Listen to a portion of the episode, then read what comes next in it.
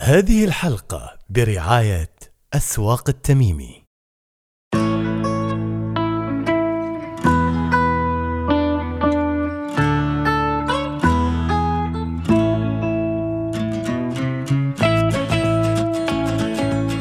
صباح الخير أحبابي وأعزائي المتابعين.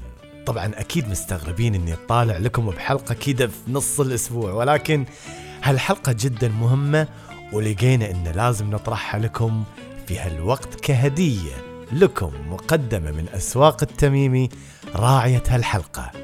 لكن وقبل ما نبدأ حلقتنا خلونا نبتسم هذيك الابتسامة العريضة ونقول يا صباح.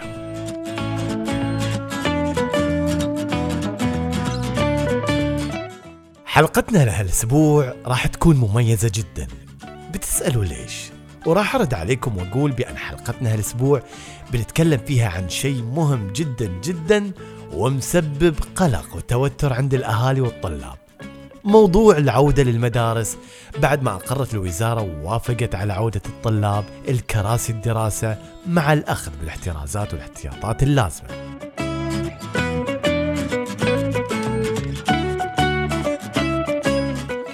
القلق من أمر العودة للمدارس أمر طبيعي جدا سواء عند الأطفال أو حتى أهاليهم خاصة إن إحنا لازلنا في مرحلة ضرورة اتباع الإجراءات الصحية حتى نحد من انتشار الإصابة بالفيروس. صحيح إن معظم الأطفال يتجاوزوا هذا القلق ويروحوا للمدرسة بشكل طبيعي لأن الله سبحانه وتعالى أودع فيهم المرونة والمناعة النفسية إلا إن أكو أطفال ولأسباب عدة يلاقوا صعوبة في التكيف مع هالقلق وهذا يؤثر سلبيا على تعليمهم ونموهم المعرفي والنفسي والعاطفي.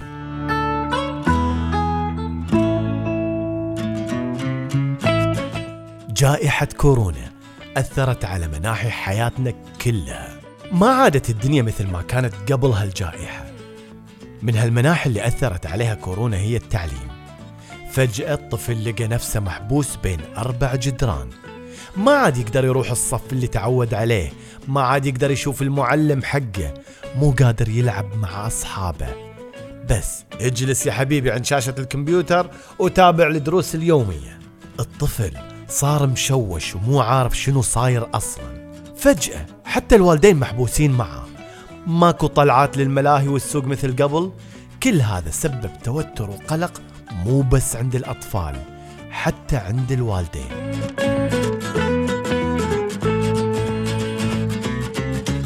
الكل يحس بهالقلق والتوتر من العودة لكراسي الدراسة سواء الطفل أو الوالدين. خاصة أن الإجراءات الصحية ما زالت مطلوبة وضرورية في معظم نواحي حياتنا. من لبس الكمامة التباعد الاجتماعي ضرورة التعقيم تحاشي التجمعات وغيرها. كل هالأمور تسبب قلق وتوتر عند الكبار وهالشي بينتقل بطريقة أو بأخرى للأطفال.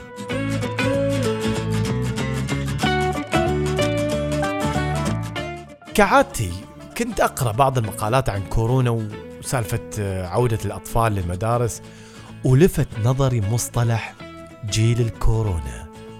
واللي يقصدوا فيه جيل الطلاب اللي أخذوا تعليمهم عن بعد أيام الكورونا أو من خلال حتى التلفزيون. كان التفاعل الإنساني ضعيف جدا بين الطلاب وبين المدرسة سواء مع المعلمين أو مع الطلاب. وهالشيء استمر لفترة طويلة.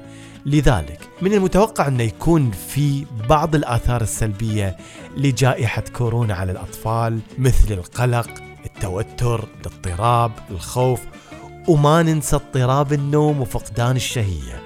ويمكن بعض السلوكيات تتغير مثل التعلق الزايد بالوالدين وأحيانا ممكن توصل المسألة للتبول اللا ارادي لكن كل هالأمور من السابق لأوانة معرفة الآثار النفسية والاجتماعية والتعليمية سواء المتوسطة أو حتى بعيدة المدى على اللي يسمونهم جيل الكورونا.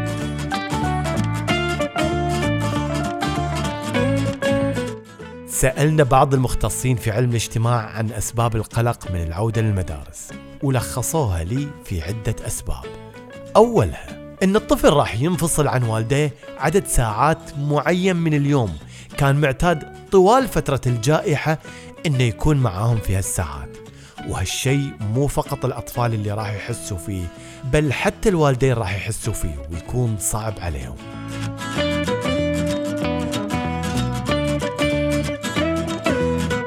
السبب الثاني الانتقال من رحابة البيت إلى اللي يسموه الطلاب الحبس في قاعات المدرسة. وهذا بالتالي راح يحرمهم من الحرية اللي كانوا يشعروا فيها في البيت. بالإضافة إلى أنهم راح يدخلوا في نظام المدرسة وروتينها من حضور الصباح والمشاركة والواجبات والمذاكرة وغيرها من الأمور اللي الطفل افتقدها من أكثر من سنة.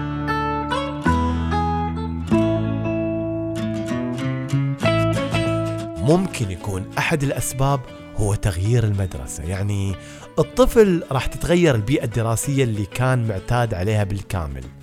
أيضا التعامل مع معلمين جدد التعرف على طلاب جدد الإقبال على المجهول واحد من الأمور اللي تسبب قلق وخوف واضطراب عند الأطفال.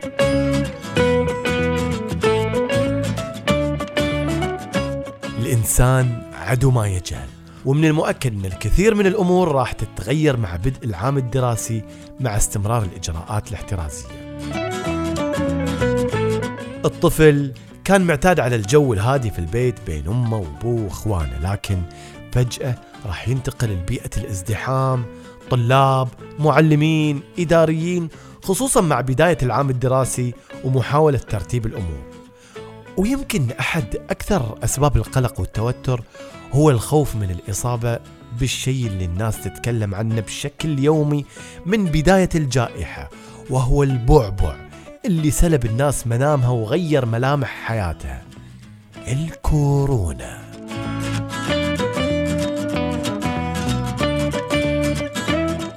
الوالدين راح يلاحظوا شعور القلق والتوتر كل ما قربت المدارس. راح يلاحظوا بعض التغييرات العاطفية والسلوكية. بعضها خفيف وهالشيء طبيعي جدا وما يخوف. لكن من الممكن إنه يشتد عند بعض الأطفال. ويمكن ملاحظة هالقلق من خلال بعض سلوكيات الأطفال. مثل إن الطفل راح تزيد شكاويه الصحية. يعني بتلاقيه يقول إنه عنده ألم في بطنه أو يحس بصداع وتعب. مثل ما كنا نسوي أول. في حقيقة الأمر قد يكون ما في شيء ولكن بسبب القلق الزايد بيبدأ الطفل يشتكي من هالأمور. وممكن يلاحظ الأبوين تغيير حتى في نوم الطفل. ممكن يحتاج وقت طويل عشان يغفي أو أنه يصحى آخر الليل وهو قلق.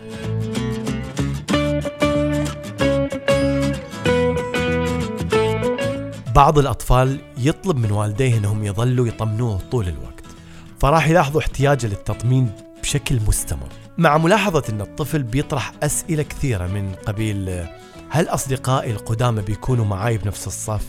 هل بشوف أصدقائي؟ شو أسوي إذا صديقي فلان مو موجود؟ هل بكون في أمان في المدرسة؟ هل بيكون كورونا في المدرسة؟ بقدر آكل وألعب مثل قبل وغيرها من الأسئلة ويمكن يلاحظ على الطفل أنه بيرفض أنه يروح المدرسة أول يوم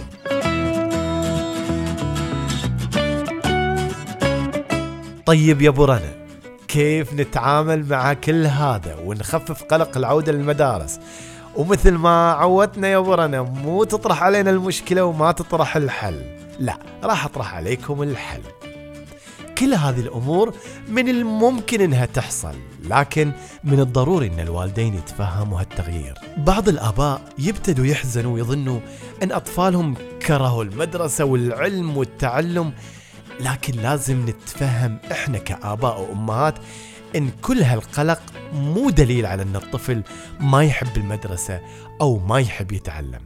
لازم نحط في بالنا إن هذه أزمة وبتعدي بإذن الله والطفل راح يتجاوزها خاصة إذا أحسننا التعامل مع هالموقف بشكل إيجابي.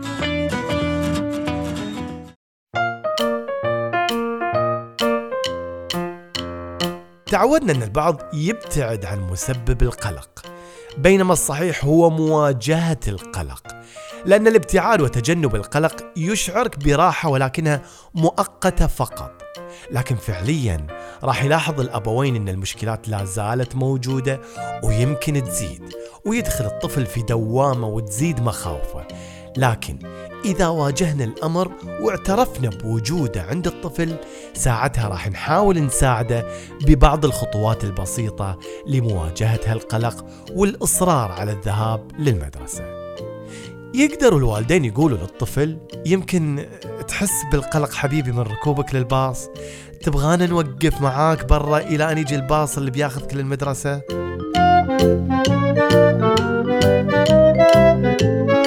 الأطفال يحب عبارات الإطراء والتشجيع على أقل شيء يسووه حتى لو كان بسيط. ودام انهم يحبوا هالشيء فمن الضروري إن إحنا نشجعهم بكلمات جميلة على أي محاولة ولو كانت بسيطة للتخلص من هالقلق. يعني مثلا نقدر نقول للطفل ما شاء الله عليك وعلى شجاعتك. أنا فرحان إنك اعتمدت على نفسك وتشجعت وركبت الباص. هذا عمل شجاع عشان تبعد القلق وما تخليه يحرمك من المدرسة. الله.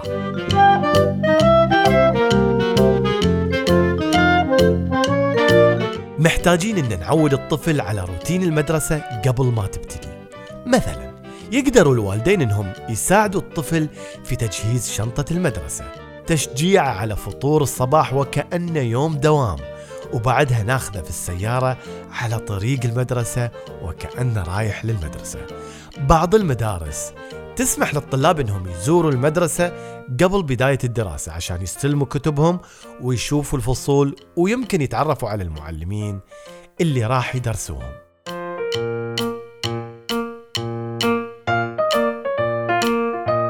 من الضروري إن الوالدين يساعدوا الطفل ويعلموه على مهارة حل المشكلات. إذا مثلا قال الطفل إنه خايف من إنه ما يعرف صفه فجميل من الوالدين إنهم يناقشوا الطفل في كيفية حل هالتحدي ويخلوه هو يقترح بعض الحلول. وواحد من الحلول اللي ممكن تخطر على باله هي إنه يسأل المعلمين أو المشرفين اللي موجودين في مدخل المدرسة أو حتى في الساحة الخارجية. أيضا من الضروري إنه يكونوا الوالدين قدوة حسنة والنموذج للسلوك الإيجابي. إيه مو معقول إنك تدعي طفلك للإيجابية وأنت ما تتحلى بهالإيجابية. يعني من المواقف اللي ممكن تحصل إن الطفل يشعر بالاضطراب ويبدأ بالصياح والصراخ عند باب الباص قبل ما يركبه. هنا الوالد محتاج إنه يتذكر ويستوعب إن الطفل مضطرب بسبب القلق اللي يحس فيه وإن هالشيء مو بإرادته. ومثل ما وده إنه يشوف الهدوء والاتزان على طفله فهو لازم يصير هادي ومتزن ويقدر يسوي هالشيء بأنه ياخذ نفس عميق وما يفقد أعصابه لأن لو فقد الوالد أعصابه ممكن إنه يزيد الطين بله مع الطفل وتتفاقم المشكلة اللي كان يسعى الوالد إنه يحلها. واحدة من الأمور الضرورية هي التأكد من حصول الطفل على ساعات نوم كافية. الكثير من الأطفال اعتادوا على السهر لآخر الليل والقعدة الظهر أو العصر، وكلنا نعرف أن قلة النوم تخلي الطفل أكثر توتر وأكثر عرضة للقلق.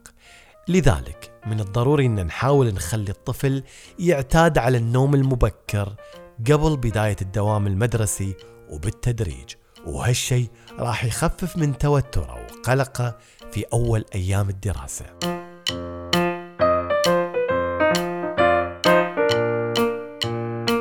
وأخيرا محاولة تشويق الطفل لحضور المدرسة.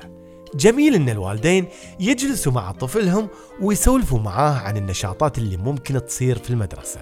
مساعدته على اختيار جماعة نشاط معين مناسب لمهاراته ومن هالقبيل أهم شيء نسولف معاه وبطريقة إيجابية عن الأمور الجميلة اللي ممكن تكون المدرسة جهزتها للطلاب.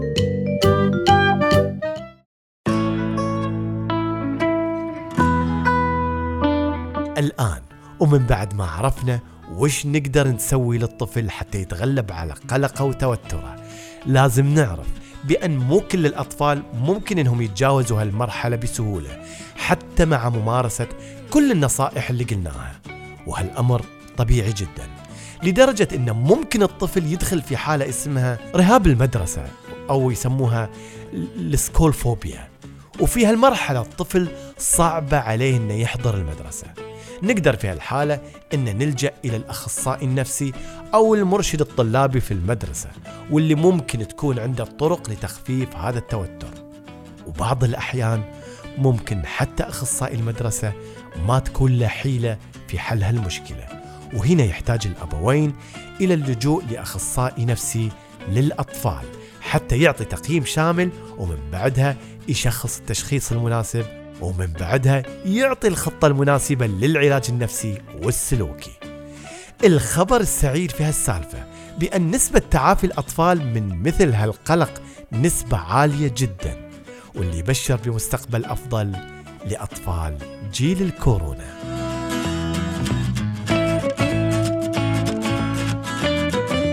نتمنى لكم أحبائي الطلاب والطالبات في كل مكان عام دراسي موفق. وهنا حاب إني أقول شيء للآباء والأمهات. القلق والتوتر اللي راح تلاحظوه شيء طبيعي وراح تتجاوزوه ويتجاوزوه أطفالكم مع الوقت إذا أحسنتوا التعامل مع الموضوع. بس محتاجين إنكم تصبروا شوي وتطولوا بالكم وتخلوا أطفالكم. وهم رايحين الصباح يسمعوا حلقات إيجابية من بودكاست صباحو. الحين نقدر ننهي حلقتنا بابتسامة عريضة مني أنا أحمد قريش ومن بعدها نقول لكم يا صباح